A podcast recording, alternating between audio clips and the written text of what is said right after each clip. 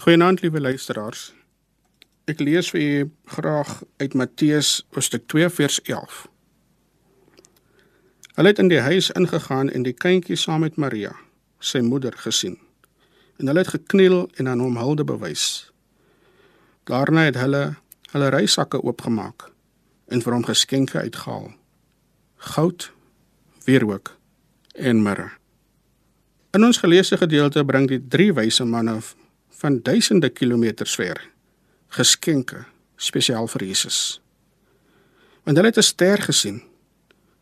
Maar is dit regtig omdat hulle net 'n ster gesien het dat hulle duisende kilometers af lê om Jesus iets te gaan neem? Of is daar iets anders aan hierdie besoek? Wat is die rede hoekom hulle by Jesus opdaag? Hulle kon tog sekerlik net die ster gesien het en slegs daarvan kennis geneem het en vir mekaar gesê het: "Sien julle daar?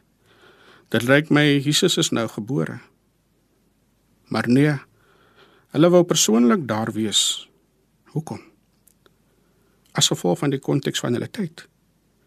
Die konteks waarin Jesus se geboorte afspeel is die van oorheersing van 'n koning behep met sy eie mag. 'n Koning wat sy mag misbruik en in diktatorskap heers oor die Jode in Israel. 'n Koning genaamd Herodes. Liewe luisteraars, Herodes was wreed en die volk het gelewe in 'n tyd van onderdrukking, swaar tye, moeilike tye en onsekerheid. Wanneer word die volk beroof van hulle identiteit wanneer hulle mag net leef, glo en doen soos wat koning Herodes voorskryf. Maar dit is binne hierdie konteks dat die volk van God steeds hoop. Ten spyte van alles dit hoop en glo hulle steeds die, dat verlossing sal kom. En in die middel van alles dit, sonder dat Herodes daarvan bewus was, word hoop en verlossing gebore. Word vryheid gebore.